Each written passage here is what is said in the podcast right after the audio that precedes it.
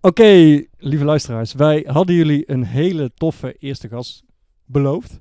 Eh, je hebt ons al twee keer gehoord. Mijn naam is Etienne. Cindy. En ehm, ja, dus vandaag een, een, ja, het is een flauwe grap, een kikkergast. Ja, Ja, ja, ja. Patrick Kikker. ja, hoi. Hoi. Je hebt ons benaderd en, en jij dacht, "D- dit is een podcast, daar wil ik iets mee. Ja, nee, ik, ik ben sowieso een enorme fan van het fenomeen podcasting. Dus als ik zie dat er een nieuwe podcast is die een beetje in mijn hoek zit, Ja, dan zoek ik al gauw contact en dan zeg ik van kunnen we iets aan kruisbestuiving doen of eh, in ieder geval elkaar eens een keer ontmoeten. Ja.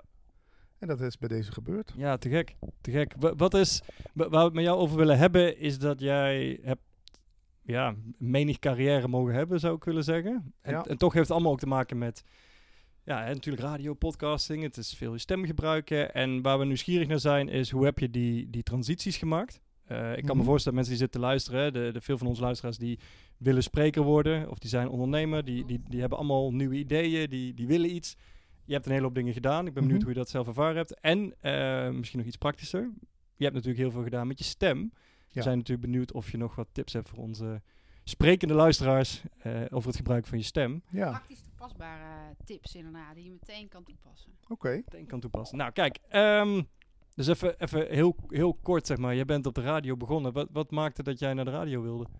Eh, Ik was heel verlegen. En ik durfde nooit meisjes aan te spreken. En ik zag dat mijn broer, vier jaar ouder, bij de radio iets deed. En die, daar belde meisjes op om een plaatje aan te vragen. Als ik heel eerlijk ben, was dat de reden. Ik was een computernerd. Ik zat alleen maar achter mijn Commodore 64 eh, eh, bandjes in te laden. En floppy disks en programmeren en, en dat soort dingen. Dus ja, het was voor mij een soort coming out bijna, de radio. Hoe oud was je toen? 14, 15. Ja, ik Oh. was er vroeg bij. Ja. Het is nu 30 jaar terug, 1989. Ja. Ja, en dat, ik heb daar toch geen spijt van gehad. Nee, dat, dat, Nee. dat geloof ik met de carrière. Ja. Die, Eh, wanneer is dit echt een, een, een carrière geworden? Wat was, wat was de, de grote doorbraak? Ja, t- eh, toch al vrij snel. Want ik merkte dat ik dat gewoon heel goed, dat me dat goed afging. Ja, ik was in de klas ook altijd al de entertainer, weet je wel. Degene die, eh, iedereen was bang als er een spreekbeurt gegeven moest worden. Maar ik stond op de tafel, yeah, spreekbeurt, weet je wel. Als er uit een boek voorgelezen moest worden, was het van, eh, ah, laat Patrick maar, die kan dat goed. Nou, dus ik, dat zat eigenlijk al erin. Dus vanaf mijn achttiende ben ik er centjes mee, ja, klinkt heel kinderachtig, maar geld mee gaan verdienen. In België over de grens, eh, bij, daar kon je wat geld verdienen zo. En vanaf mijn 21ste landelijk, ja, gewoon heel veel geluk gehad. Bij de tros terechtgekomen. Wat zou je zeggen dat, want je zegt het gaat me goed af, je, je, je kon het goed, je zult positief Ja. feedback hebben gehad. Wat, wat was dat? Wat, wat deed je goed? Ehm, luisteren vooral, denk ik. Ik bedoel, eh, communicatie is natuurlijk... Je denkt in eerste instantie dat het alleen maar gaat om praten. Maar kijk, ik ben vanuit mijn jeugd een hele gevoelige jongen. Eh, bij, mij, bij ons thuis was vroeger best wel wat ruzie. Hè, mijn, oude- mijn vader dronk graag en eh, mijn moeder was dan weer verdrietig. En de dag daarna was weer alles koekenij. En ik voelde dat allemaal zo'n beetje aan, zo die sfeer. Maar ja, daar word je dus heel alert van. En dat is soms onhandig, want ik pik alles op. Weet je, straks daar een vogel over vliegt, dan zul je mij heel snel even naar die vogel zien kijken. Maar in interviews en in radiosettings is dat wel handig dat je zo alert bent. Want daardoor vallen ook geluidjes in eh, een nummer je op waar je iets over kan vertellen. Ja. Als je iemand aan de telefoon hebt, kun je ook echt met diegene verbinding maken. Want je hoort in een stem al een beetje van, nou, daar wil die wel en daar wil die niet over praten. Dus die gevoeligheid, die heeft mij heel erg geholpen. En dus eigenlijk ook meteen je eerste tip, interactie. Dus Ja. inderdaad ook daar eh, ja, naar op zoek gaan. Goe- ik, de- als spreker moet je gewoon toch, vind ik, de hele tijd scannen. Komt het aan Ja. wat ik aan het vertellen ben? Want, en natuurlijk zal er altijd iemand op de eerste rij zitten. Hè, als je in een zaal staat, die gewoon met zijn armen over elkaar en die op, op zo'n horloge zit te kijken. Ja, die heb je overal. Maar ja, je merkt vanzelf wel als het, als het pakt of zo. Hè, en daar gewoon heel alert op blijven. En dat, dat heb ik eh, in interviews, dat heb ik in dit soort settings. Kijk, mensen kijken niet voor niks ineens weg. Kan natuurlijk allerlei redenen hebben. Kan ook zijn dat het interview of dat onderwerp te dichtbij komt of zo. Maar ja, ik ben daar wel heel gevoelig voor. En ik let daarop. En ik pas dan meteen. Dan stop ik, of dan maak ik het sneller, of dan ja, pas je het in ieder geval aan. Hoe, hoe werkt dat in radio? Ik heb, ik heb zelf een, een heel kort poosje voor de radio mogen werken. En de voornaamste reden waarom ik dat ook wilde doen, was omdat ik de uitdaging zocht het niet zien van je publiek. Ja, ja, ja. Dus, dus het anticiperen en kijken hoe ze het vinden, Ja. dat krijg je eigenlijk Nee, niet mee. ja, nee, maar dat is ook het grote Ja, probleem van radio. Je ziet niet of het aankomt. Je ziet niet hoeveel mensen wegzeppen. Misschien maar goed ook, want daar kon je ook heel onzeker van worden. Nee, dus dat, eh, hoe doen ze dat bij radio? Dan krijg je tests, hè? Dan Mhm. laten, ze, dan laten ze een stukje radio van jou horen in een zaal. Dan krijgen mensen een potmeter in hun handen. En dan moeten ze plussen en minnen draaien wanneer ze het nog interessant vonden en wanneer niet. Dus je krijgt een soort achteraf feedback. Maar je kan wel aan de appjes kun je zien Ja. of iets aankomt. Je kan het, eh, ja, wat kan je nog meer? Als je een sidekick hebt, kun je het een beetje sidekick testen. Je producer kun je het ook mee testen. Maar, Let op, Cindy. Ja, ja, ja. ja, maar ik het, ben is, hier wel alert. het is lastig. Het is bij de radio mis je dat inderdaad voor een groot stuk, die, die, die directe feedback. En ja, wat kun je daaraan doen? Dan, ja, dan moet je jezelf in trainen. Over radio zijn stapels boeken geschreven. Ehm, ik deed veel uit de Vox Pro. Dat is een apparaat wat we bij de radio gebruiken. Daarin neem, kun je telefoongesprekken opnemen, maar ook je eigen talks. Kun je snel terugknippen. Bij de radio heb ik veel geëdit, ja. Veel eh, gewoon terugluisteren en dan denken, nou dat kan eruit, dat kan eruit, dat kan Mhm. eruit. En dan de zender op. Dus niet i- alles is live wat je op de radio hoort. Dat kan ik je alvast eh, mededelen. Ja. Tussen aanhalingstekens live. eh. Ja. Maar, maar wa- was, je, was je daar in het begin ook al mee bezig met, met eh, oh, hoe zal het overkomen? Want je bent verlegen, je komt op de radio, Ja. het gaat je goed af. Maar was je, was je daar ook bezig met wat zouden anderen van me denken? ja, nee, in eerste instantie is het ook een soort ego-trip. Maar ja, dat moet ik gewoon eerlijk in zijn. Want je, je komt in de klas, oh, ik heb naar je geluisterd. Ja, wat leuk, weet je, wordt speciaal. Maar ik kon wel merken aan wat ik gedaan had, kreeg ik daar reactie op de dag daarna, ging ik dat meer doen. En dan de, de dingen waar ik geen reactie op kreeg, vielen vanzelf weg. En noem eens een voorbeeld, wat, wat kwam naar voren? Eh, nou, dat is bijvoorbeeld vaak zeggen, oh, dat is leuk hoe je met die persoon aan de telefoon omging. Maar ik kreeg eigenlijk nooit te horen, oh, wat gaaf hoe je dat intro volgepraat hebt, weet je wel. Ja. Terwijl dat Ging denken, je daarmee stoppen? ja, of dan Ja. deed je dat minder. Ja. Wij disjoekjes denken dat het hem allemaal in de techniek zit. Maar de interactie tussen twee mensen op de radio, dat vinden mensen toch vaak het fijnst. En ook als je de re- luisteraar rechtstreeks aanspreekt. Simpel voorbeeld bij de radio is, in het begin denk je dat je naar een hele grote groep spreekt. Hè? Als je, als, alsof je als een soort keizer naar je volk aan het praten bent. Maar het is één op, nee, het is één op één communicatie. Dus je spreekt je luisteraar met je aan. Leuk dat je luistert. Niet, veel disjoekjes maken die fout nog. Zeggen ze, leuk dat jullie weer aan het luisteren zijn. Maar dat, ook bij podcasten zou ik je dat advies willen geven. Ja, mooi. Ja, Ook al- heel mooi. Ja. Ook al heb je er 500 of 1000 of 100.000, mensen luisteren met één setje oren naar jou. Dus spreek ze met je aan, niet met jullie. Ja, dat zijn van die dingen die je dan proefondervindelijk leert. Ja. Maar ook uit die boeken uit Amerika. Maar Was Amerika dan, lagen die voor of zo? Of? Vind ik wel. Ja, ik, daar is radio toch ooit uitgevonden. Sowieso de moderne radio. En de top 40 komt daar vandaan. En het fenomeen ochtendshow is eigenlijk ook in Amerika geboren. Hè, zoals Edwin Evers vroeger met, Ja. met drie mensen. Dus ja, ik, ik, daar heb je ook echt radiocoaches die je helpen. En die leren je interviewtechnieken bij. Die leren je bij hoe, hoe kort je een telefoongesprek kan knippen. Dat je jezelf vaak moet terugluisteren. Dat moet je bij de radio natuurlijk ook doen. En eh, ja, dit soort settings, ik zou ook willen adviseren, eh luister het terug. Maar luister het dan af zoals een luisteraar het ook zou afluisteren. Niet zo dat je gaat zitten, maar gewoon hoe luistert de luisteraar? Nou, met dopjes in in de sportschool of in de Mhm. trein of in de auto. Dus verplaats je in de luisteraar. Goeie. Ja. Dat zou mijn advies zijn. Grappig. En je, je, je bent gegroeid in het radiolandschap, zullen we zeggen? Ja, Grote, grote zenders. Niet alleen in de breedte, ook in- Oh, ja, je was nog jong, dus je bent ook in de lengte gegroeid. Ja. Ja. Ehm, maar grote zenders, grote programma's, succesvol. Hoe, hoe was, ja, een stomme vraag misschien, maar hoe was dat? Wat, wat komt er dan eens op je af? ja, meer druk. Lu luistercijfers. duidelijk eerst ja, antwoord. Ja, Ja, ja. Luistercijfers worden heel belangrijk. Hè? Alles tot achter de komma. Hoe doe je het bij vrouwen 2049 eh, die hoog opgeleid zijn? Dat wordt ook allemaal uitgesplitst. Ja. Weet je? je krijgt, en, en terwijl dat luisteronderzoek, ja, dat, is, dat wordt met papier nog steeds ingevuld, geloof ik. Dus dat is ook discutabel. Maar goed, de, de- ik snap het ook wel. Zendtijd is duur. Reclameinkomsten zijn belangrijk. En hoe hoger de luistercijfers, hoe meer reclameinkomsten enzovoort. En het, het was nog steeds leuk hoor. Ik heb echt een leuke tijd bij de radio nog meegemaakt. Maar ik zou nu onder John de Mol bijvoorbeeld zou ik niet kunnen en willen werken. Dat, Mm. dat, die zit zo op de details met alles. Nee, ja, hoe was dat? Het is te gek. Je, je krijgt de ochtendshow, je krijgt je eigen tv-commercial. Je krijgt allemaal gasten in de studio. eh, ja, maar ja, in het mooie zit het lelijke vaak al opgesloten. Ik bedoel, het, is, het put je natuurlijk ook uit. Ja. Je moet iedere dag om half vijf op voor de ochtendshow. Terwijl ik eigenlijk een avondmens ben. Mm. Dus ik heb dat drieënhalf jaar zoiets volgehouden. Maar daarna was de koek echt wel op. Ja, ja. Ja. Wa- Wat maakte dat je het volhield? Ja, eh, toch een soort enthousiasme, gedrevenheid, bewijsdrang ook. Je wilt toch laten horen van je. Je, nu ga ik ook laten horen dat ik het kan. Luistercijfers gingen ook omhoog. Ik volgde Jeroen van Inkel op. Die, en, en, en dat is toch cool om te zeggen, ik score beter dan Jeroen van Inkel. Weet je wel, ja, Ja. dat is gewoon een ego Een wedstrijd. Ja. ja. Prestige. En ja, wanneer wordt het dan minder leuk? Ja, wanneer werd het minder leuk? Dat weet ik eigenlijk helemaal niet. Tenminste, dit is altijd mijn gaatmeter geweest. Vind ik het nog leuk? Ja. Want op het laatst deed ik het ook alleen nog maar voor de naam en de faam en de, en de salaris. En dan weet je, dan hou je het niet meer vol. Het moet wel, hè, hoe noemen we het met een chic woord, intrinsiek Ja. gemotiveerd zijn. Dus, ja, want de... ehm, als je, dit, dit, dit lijkt dus, wa- was het een jongensdroom die uitkwam of niet? Is dat misschien te- Nou, ik was wel een aandachttrekker al op de lagere school ook, weet je wel. Ja, dus die aandacht die je krijgt, ja, dat is dan wel... Dat, dat geeft een soort kick natuurlijk ook, weet Mhm. je wel. Ja, en dat je bekendere naam krijgt en dat, dat je mensen je gaan herkennen en zo. Maar ja, is dat... Dat radio was meer mijn broers een jongensdroom dan, Mhm. dan mijn... eh, heb je daar nog goed contact mee? of Ja, redelijk. Maar die zegt dan om, op iedere verjaardag zegt hij, je hebt alles aan mij te danken. En dan zeg ik, het is goed, hier heb je nog een eh, stuk taart. En dan is het weer goed of zo.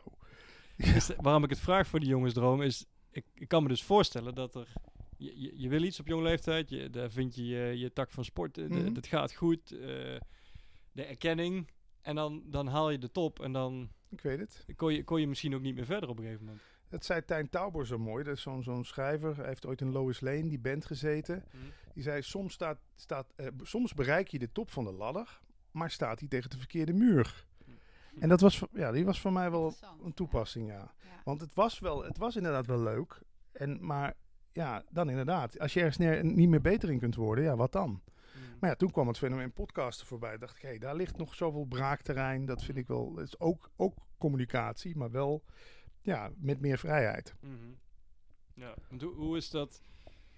Je, je, je bent op een gegeven moment, eh, was je op, zoals je zegt. Da- daar is ook een en ander over gezegd in, in termen van burn-out en zo. Ehm, De band met je broer haal je net aan, daar zitten wat dingen. Is, is, was het op een gegeven moment inderdaad op? Moest er iets veranderen? Nee, dat was wel, wel duidelijk, want eh, ja, het oude voldeed niet meer, maar het nieuwe was er nog niet. Mm. Dat is natuurlijk ook een beetje hè, waar, je, eh, waar je het ook eh, over hebt in je podcast, die verandering. Ja, ik moest op een gegeven moment gewoon sprong en diepe maken. Ik, ik had een salaris van, nou ja, ik maar durf dat best te bekennen, 12.000 euro in de maand bruto. En het is een aardig salaris. Geef je dat zomaar op om te denken, ja, ik weet niet wat er nu weer eh, tevoorschijn gaat komen. Ja, gelukkig heb je dan in Nederland wel allerlei regelingen en weet je wel. En ik, maar ik was ook echt zo op dat ik gewoon een tijdje echt ziek moest eh, zijn, blijkbaar. Maar ja, toen kwamen die podcasts voorbij. Ik was me al heel erg verdiepen in persoonlijke ontwikkeling. Je kent ze ook allemaal. Wayne Dyer, Tony Robbins, Deepak Ja. Chopra. Ik heb boekenkasten vol liggen. Ja. Dan weet je, er is, er is iets van binnen wat, wat, wat eruit wil. En wat is nu wat je echt eh, in de gaten houdt eh, hè, om anders te blijven doen? Dat je zeg maar niet meer dat gevoel krijgt van, hè, nou, nu is het klaar. Ja, het ligt nog altijd op de loer. Want roem is ook een soort verslaving, hè. Dan word ik weer gevraagd voor een of ander tv-programma van Omroep Max. En dan sta, sta ik weer te kwispelen als een hondje. Want dat weet ik dat dat leuk is. En dan krijg je weer reactie op. En dan begint je brein weer allerlei stofjes af te vuren. Dopamine, serotonine, weet je wel. Jee, ik ben weer de aap op de rots. Boven op de rots, weet je wel. Maar ja, maar ik krijg daarna ook fysiek een soort down daarvan gewoon. Letterlijk. Ja, Ja. ik heb ook met een artiestencoach gesproken. Die zegt dat werkt net als heroïne, roem. Je krijgt een shot heroïne, maar dan komt een dag daarna of de dag daarna komt gewoon een low. Want dan, sta je, dan ben je niet op tv. Dan sta je niet met je kop op de voorkant van de telegraaf. En dan? En daar ben ik heel gevoelig voor en heel alert op. Dat ik weet van, pas nou op dat je je niet weer door dat, dat monster genaamd roem laat grijpen. En dan weer iets gaat doen waarvan je denkt, ja, dat heb ik eigenlijk te vaak gedaan. Maar ja, krijg, komt wel weer aan de aandacht. Krijgt wel weer, eh, ja, je wordt, bent weer zichtbaar. Dus heel erg voor opletten. Maar ja, Maar, eh, zoek je dan dus juist ook naar langdurige trajecten? Dus dat, dat je bijvoorbeeld, eh, stel dat je dus vaker dan bij Omroep Max Mhm. eh, zou mogen terugkomen. Zou dat dan beter passen? Hè, dat je dan dus zeg maar Ja. niet één keer een piek hebt, maar dat je dus een lang... eigenlijk wel. Ja, want dan ben je er weer een beetje aan. Hè? Dat is wel waar. Ik ben natuurlijk wel nu van de hap snap. Dan weer in een podcast, dan weer zelf interviewen, dan weer dit, dan weer dat. Ja, misschien hoort dat er dan al wel bij, inderdaad, die, die pieken en Ja. die dalen. Ja. Want zoals ik het je hoor omschrijven, beschrijf je het ook niet als een, als een vak, als een baan per se. Zeg maar, het is wel je werk, maar het is niet, je, je, je doet het om, om Nou ja, A, omdat je het leuk vindt. B, omdat er een Mm, ego-kant nee, aan zit. ja, dus het, het is niet, het is niet een, een baan uitoefenen. zeg. Ik heb in mijn dag nog nooit een leven gewerkt. Heerlijk. Ja, ik weet het. Maar ja, maar ja, ja dan, dan weet ik, geef mij werk wat bij me past en ik zal nooit hoeven werken. Een of andere Ja, ja, ja. filosoof heeft dat vroeger gezegd. Maar zo voelt het voor mij wel, want uiteindelijk moest je natuurlijk wel op die en die tijd daar en daar zijn. Dus het is wel een- Ja. een verplichting, maar het heeft nooit als werk gevoeld. Pa- dat zegt ook Rob van Zomer, een collega disjockey. De dag dat dit op werk gaat lijken, stop ik ermee. En niet omdat je daar dan te lui voor bent, maar op, het is inderdaad iets entertainment. Ja, net als een zanger. Volgens mij kan je dat ook niet per se als werk zien. Dat is een ding wat eruit wil. Dus ja, pa- als, als, het, als het heel veel moeite gaat kosten, ja, dan moet je er eigenlijk mee stoppen in dit geval. Vind ik. Maar goed. En je zei eerder dat je dus, hè, een podcast kan je echt nog heel veel kwijt. En eh, zie je heel veel mogelijkheden. Heb je het gevoel dat je daar nog inderdaad wel echt voorlopig mee bezig bent? Of ben je ook al bezig met nieuwe eh, of andere uitingen? Nee, ik denk dat podcasten wel. eh, dat ik daar de rest van mijn leven. Want daar ben ik zo enthousiast. Ik doe het al tien jaar. En ik vind het leuk bij anderen te gast, anderen bij mij te gast. Het voelt als dat piratenwereldje van vroeger. Weet je wel, met die, dat illegale uitzenden. Zo voelt het een beetje. Nee, ik vind radio. Ik schrijf wel columns over radio. Ik vind radio eigenlijk een beetje ouderwets. Als ik heel eerlijk ben. Want het is eenrichtingsverkeer toch nog steeds vaak. En wat is dus leuk aan een podcast? Je, samen met de luisteraars vorm je een community. Bij één podcast die ik doe, hebben we binnenkort tien jaar bestaan. Zitten we met 200 mensen in een zaaltje. Weet je wel, eh, we gaan samen een film kijken. Eh, we hebben met de podcastluisteraars zelf al een keer een film gemaakt. Eh, ik ben al een keer vier weken eh, in een eh, vakantiehuis van een podcastluisteraar geweest. Die zei van, ja, jij wilde toch naar Portugal om Muji te interviewen. Ik heb hier een vakantie, kom hier naartoe, je kan dat huis gebruiken. Dus ja, je, je krijgt er gewoon in één klap heel veel vrienden bij. En dat is dan ook het verdienmodel van mij van podcasting. Dit, weet je wel. Ja. Want als wij elkaar hadden gemaild van zullen we een keer bij elkaar komen? Ja, misschien hadden we dat gedaan. Maar dan denk je toch, ja, maar waarom dan? Wat willen we dan van elkaar? Maar podcast, als je het woord podcast en interview laat vallen, gaat zo de deur open voor je. Leuk hè? En wat is denk je dan dat, waarom dan die deur open gaat? Juist dus het, het my- mystieke daarachter. Dus dat, dat het wordt Ja. opgenomen. Misschien dat het dus een bepaalde richting moet hebben. Of is het denk je gewoon de, ja... Ja, het is een bepaald slag volk, vind ik, die podcast begint. Het zijn al een beetje open mensen die geïnteresseerd zijn. Want waarom zou je anders mensen gaan interviewen? En het zijn af, een beetje avontuurlijke types. Die nu, want podcast is daar nu wel een hype. Maar ja, er zijn, het is nog steeds instappen allemaal. En de mensen die dat durven, want is- je moet er ook durf voor hebben natuurlijk. Ja, dat vind ik gewoon, dat zijn leuke mensen gewoon, vind ik. Ik heb zelden hier iemand over de vloer gehad die ik dacht, hè, met jou heb ik geen klik.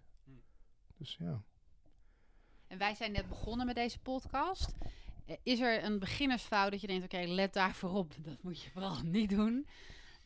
Nou, ik zou niet met een te lange intro-tune gaan werken. Want eh, luisteraars luisteren dus soms een paar achter elkaar. Ja. En er komt weer die hele intro-tune. En vaak aan het einde van de podcast wordt natuurlijk gezegd... eh, ga naar de website voor dit, ga naar de website voor dat. Ga naar... Mijn ervaring is, je kan het beter even terloops noemen tussendoor. Ja. Want het voelt al heel gauw als een soort eh, commercial... Ja. voor en achter te lange intro en outro. En dus mensen met je aanspreken. Ik blijf, blijf daar maar op hameren. Niet zeggen, leuk dat jullie weer luisteren. Want la- mensen luisteren één voor één. Ja, dat vind ik echt een hele Ja, mooie. Ja. Ja. Ja. Heel mooi. En er, zijn, er zijn mensen die zeggen podcasten is wat radio had moeten worden. Hè? Hmm. Dit is een bekende eh, de podcastwereld uitspraak, zou Ja. ik zeggen. Ehm, dat is ook een beetje wat ik jou hoor zeggen. Van ja, radio is...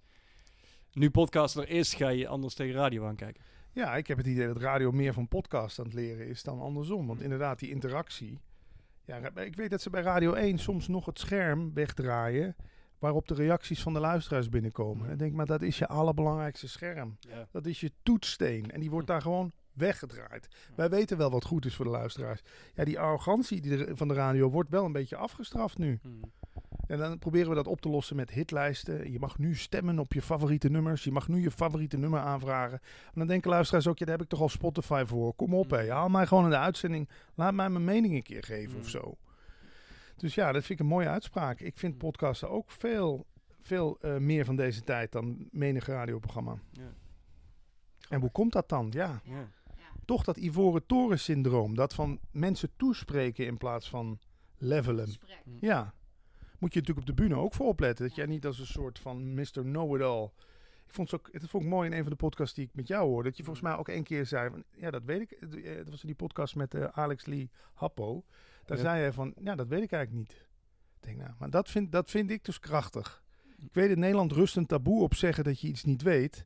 Maar zeg het gewoon. In plaats van, een, want als jij een lulvraag gaat ophangen terwijl je het toch niet weet. Ja. Dat hoor ik al bij de eerste drie Tuurlijk. ja. woorden hoor ik dat Ja. al. We hebben het in onze, in onze coaching zo... we- Eigenlijk hebben we het al heel vaak gezien. Ehm, A, sprekers die inderdaad een geweldig verhaal houden. Maar dan komt er één vraag uit de zaal en dan is het in één keer peperkoek, weet je. Dan is het echt, eh, ja, blijft er niks van Ja. dat imago over. Dat Jammer. hebben we heel vaak gezien. Ja? En het andere wat we heel vaak zien is, eh, met name in onze coaching, dat mensen dan zeggen van... Ja, maar ik, be- weet je, die, die echt bang zijn voor die, voor die vragen. Omdat dan, dan toch, dat is eigenlijk niet echt te coachen. Dat is niet voor te bereiden in ieder geval. En dat zeggen, ja, wat nou als iemand iets vraagt? En ik zeg altijd, als je het niet weet, gewoon zeggen, hé, hey, dat is een goede vraag. Ja. Ehm, geef me je kaartje, ik kom bij je terug. Ja, Zoiets. Weet je, benoem maak het. er iets, benoem het en maak er iets van. Het biedt ook een kans, denk ik. En ik zeg, ik ben vooral blij met vragen. Want ja, dat betekent in ieder geval dat ze zitten op te letten. En Ja. dat ze je aangeven wat niet duidelijk is. Ja. En, en dat ze aan het verwerken zijn. En ik zie dat als een, als een heel groot compliment. En dat maakt dat je ermee om kunt gaan. Maar het, is, het blijft iets waar menig spreker mee worstelt. Ja. Bepaalde onzekerheid. Ja, en, en die kwetsbaarheid, hè, dat, dat, dat is toch... eh, Dat, Paul Smit, met, wie ik de podcast Praten voor Bewustzijn doe, die doet ook heel veel lezingen in het bedrijfsleven. En hij zegt ook, je hebt CEO's die staan van een blaadje voor te lezen. Ja, ja, ja. Voorlezen sowieso zou ik je ook... Dan luister ik een podcast, is iemand aan het voorlezen? Ja, dat is bij radio ook not done, hè. Vertel, Dat hoor je ook. ja, dat hoor je. Ja. Mm. Vertel wat voor een wereld gaat worden. Ga niet een weerbericht zitten voor te lezen. En ook met krantartikelen. Voor, Mm. wanneer heb jij voor het laatst iemand opgebeld en gezegd... Moet je horen wat ik nu in de krant lees? En dan ga je het hele artikel zitten Ja. voor te... Je vertelt het in je eigen woorden. Ja. Dus die CEO die met een briefje er staat... of een CEO die gewoon uit zijn eigen, uit zijn eigen kwetsbaarheid... gewoon een verhaal staat te vertellen, ja... Ja. Dat, dan eh, pak je meteen de aandacht. Ja, we kennen het onderscheid. Hm. En Ja. over aandacht eh, eh, pakken gesproken. Doe je ook nog iets speciaals met je stem? Dat je met intonatie of met... Denk je erover na überhaupt? Mm, ja, dat leer je een beetje door de jaren heen. Dat je soms wat versnelt. En eh, mij is altijd wel geleerd voor in je mond praten. Daar zit dan een beetje de middentonen. Kijk, want je, u bent, dus- je bent natuurlijk gewend. Ik, Michael Pilatschik heeft daar een beetje last van. Ik mag hem graag, is een vriend van me, dus ik mag het zeggen. Maar die wil natuurlijk laten horen hoe zwaar zijn stem is. Want dat vinden beetje de meditatiestem. Ja, ja, dat. Ja. Luister goed. Dat vinden de vrouwen sexy. Terwijl, ja, voor de verstaanbaarheid, hier met je, dus voor in je mond praten, dat verhoogt eh, je verstaanbaarheid. Want het is natuurlijk niks ergens dan dat ik jou niet kan verstaan. En maar een beetje versnellen, langzaam. Ja, dat, met radio is makkelijk. Je start muziek in en dan ga je met het tempo van de muziek Mm. mee. Ik heb zelf nooit echt op een podium een lange lezing gegeven. Dus ik, eh, ik ja, dan denk ik wel, ja, wat, dan, wat ik zie gebeuren, dat lopen, hè, Mm. verplaatsen op een podium. Dat pakt mijn aandacht altijd wel. En ja, ik vind toch altijd die interactie met het publiek, ook op een podium. Ik weet dat Paul ook altijd aan het begin van zijn talk, gooit hij wat het publiek in. Een bal of een, of een eh, eh, paar stressballetjes. Hij deelt wat boeken uit. Hij maakt meteen, Contact. ja, rapport, of hoe noem je dat? Ja, ja, ja. En dat deed ik wel. Ik heb natuurlijk heel veel in zalen gedraaid. En dat was voor mij ook vanaf het moment dat, je binnen, dat ik binnenkwam bij een discotheek, wist ik al, de ogen zijn op je gericht. Dus als je dan gewoon bijvoorbeeld iemand die jou iets wil vragen voorbij loopt, dat pikt het publiek op. Dus ik wist, mijn act, om het maar even zo te noemen, begint vanaf het moment dat ik binnenkom tot het moment Ja, ja, ja. dat ik op de snelweg rij. Mensen volgen dat. En mensen beoordelen jou oh, zeker op hoe ga jij om met iemand die naar je toe komt voor een handtekening. Of iemand die met een vraag naar je toe komt. Iemand die jou zijn boek wil geven. En als je dan zo doet, laat me met rust. Nou, dan ga je een, een moeilijke avond tegemoet. Mm. Want als de helft van het publiek dat gezien heeft, dan denken ze, oh, wat is dat voor een lul? Die, Ja. die, die, die wijst iemand van ons af. Want dat heb ik bij de radio geleerd. Ook als je iemand in de uitzending haalt, dus als jij iemand op het podium haalt, dat is iemand van het publiek, dat is iemand van hun. Die, zij staan aan zijn kant, Mm. niet aan jouw kant. Ja. Ja. Dus ga er met respect mee om. Mhm. En ook zeker in een uitzending, zeik iemand niet af. En ook op een podium zeik hem niet af, want het publiek keert zich echt Mm. Tegen je. Ja. En logisch ook. Ja. ja, zeker. Ja. Ja. Het, ja, ik ben heel blij dat je het zegt. Het, een van de dingen waar wij sterk op hameren bij eigenlijk al onze boekingen, de coaching, maakt niet uit. Ehm, zorg dat je als spreker zicht hebt op de uitnodiging, bijvoorbeeld, hè, die, die de deur uitgaat voordat je aankomt, hoe je aankomt, ontvangst, dat soort dingen. En inderdaad, precies dit soort dingen. We, hebben, we zien zo vaak dat Weet je, daar staat de spreker al op het podium, maar die drinkt er nog even wat, weet je. En er is nog iemand aan het praten en zo. En het ziet er allemaal heel ongemakkelijk uit. En mensen zijn toch nieuwsgierig naar jou, want jij bent nieuw. En ja. het, doe daar iets mee. Ben Ja. er niet, of kom echt op, Ja. of niet. Ja. Maar het, het is zo belangrijk voor de beeldvorming. Maar Ja. inderdaad ook alles eromheen. Dus inderdaad zeggen dag als iemand de lift instapt. Of, ah, ja, Ja. Gewoon... Je weet nooit of die in je zaal zit. Ja, ja, ja, echt. Ja, ja. Ja. Ja. En wat ik van Paul geleerd heb, vraag aan degene die jou introduceert om het ook een beetje te temperen. Mm. Want als ze zeggen, "Wa- dames en heren, jullie gaan nu kijken, en die, die hebben Ja, nog nooit uit, ja, zo ja. hard gelachen. De man die nu opkomt, die heeft al menig zaal plat gespeeld. Ah. Hier Ja. is Ja. Etienne. En dan, ja, en dan, ja, hoe? En dan kom jij op en denk je, oh mijn god. En dan valt het bijvoorbeeld al tegen. Oh, Ja, bij mij dan niet, maar ja, ja. het zou zomaar kunnen dat het dan bij iemand anders helemaal tegenvalt. Ja. Ja. Ja. Ja, te gek. Is ehm het één ding wil ik je nog even vragen. De, de, die vraag schoot me net te binnen. Ehm, als je kijkt naar. Je, je kwam uit de radiowereld, eh, uit, de top waar je zat. eh, nu zit je in de, de podcast. Gaat ook heel goed, daar gaat niet om. Maar je hebt het bij podcasts heel vaak over het, het levelen, hoor ik je zeggen. Hè? En Het, in gesprek zijn met de gast en, en interactie, zeg maar.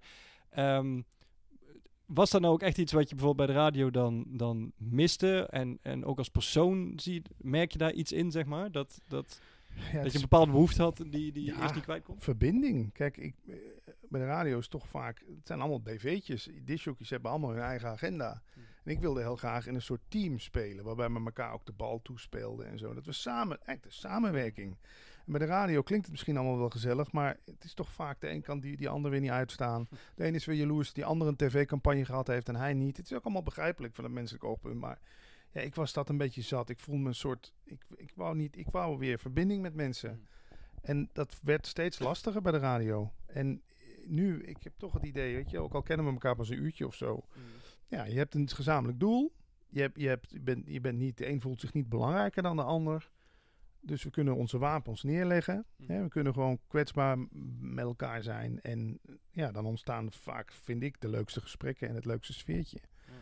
Maar ja, dat, ik, en dat miste ik ja, wel bij de radio, zeker de laatste jaren. Maar dat kwam ook, weet je, we werden overgenomen door de TMG. En angst, cultuur, weet je wel, verandering. Dan kwam een manager nog op het briljante idee om even tijdens een meeting te roepen: Ja, we moeten dus binnenkort allemaal om onze eigen functie gaan solliciteren. Ik ook. Maar ja, daar kom ik later op terug. Nou, je zag iedereen: Een leuke mededeling. Ja, Ja. precies. Wat? Weet je wel? En die riep dat dan even zo om stoer te doen. Zo van: Ah ja, weet je, dat komt allemaal wel. Hij had, hij had natuurlijk eigenlijk gewoon, de, hij wakkerde die angst nog een soort van aan. Mm. En toen zei ik op het laatst ook: De angst zit hier in de muren, man. Je voelt die gewoon vanaf het moment dat je binnenkomt.